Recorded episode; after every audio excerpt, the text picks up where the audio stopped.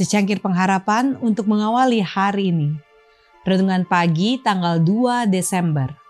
Pekerja yang setia akan menuai dengan sukacita. Mazmur 126 ayat 5 berfirman, Orang-orang yang menabur dengan mencucurkan air mata akan menuai dengan bersorak-sorai. Sebagai penggarap yang setia di ladang Tuhan yang besar, kita harus menabur dengan air mata dan penuh kesabaran serta pengharapan. Kita pasti menghadapi kesukaran dan penderitaan, pencobaan dan jeripayah yang melelahkan akan menimpa jiwa. Tetapi kita harus sabar menunggu dalam iman untuk menuai dengan sukacita.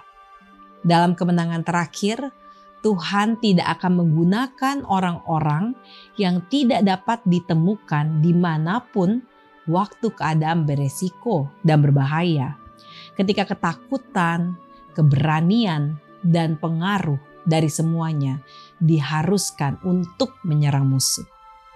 Orang-orang yang berdiri seperti tentara yang setia untuk berperang melawan yang salah dan untuk membela hak berperang melawan kerajaan dan kekuasaan, melawan penguasa kegelapan dunia ini, melawan kejahatan rohani di tempat yang tinggi.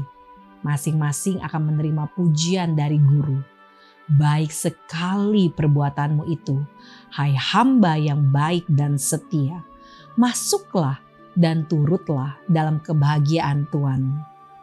Doa kita hari ini, marilah kita selalu sabar menunggu dalam iman untuk menuai dengan sukacita dengan mempercayakan semuanya kepada Tuhan dan menunggu janjinya. Amin.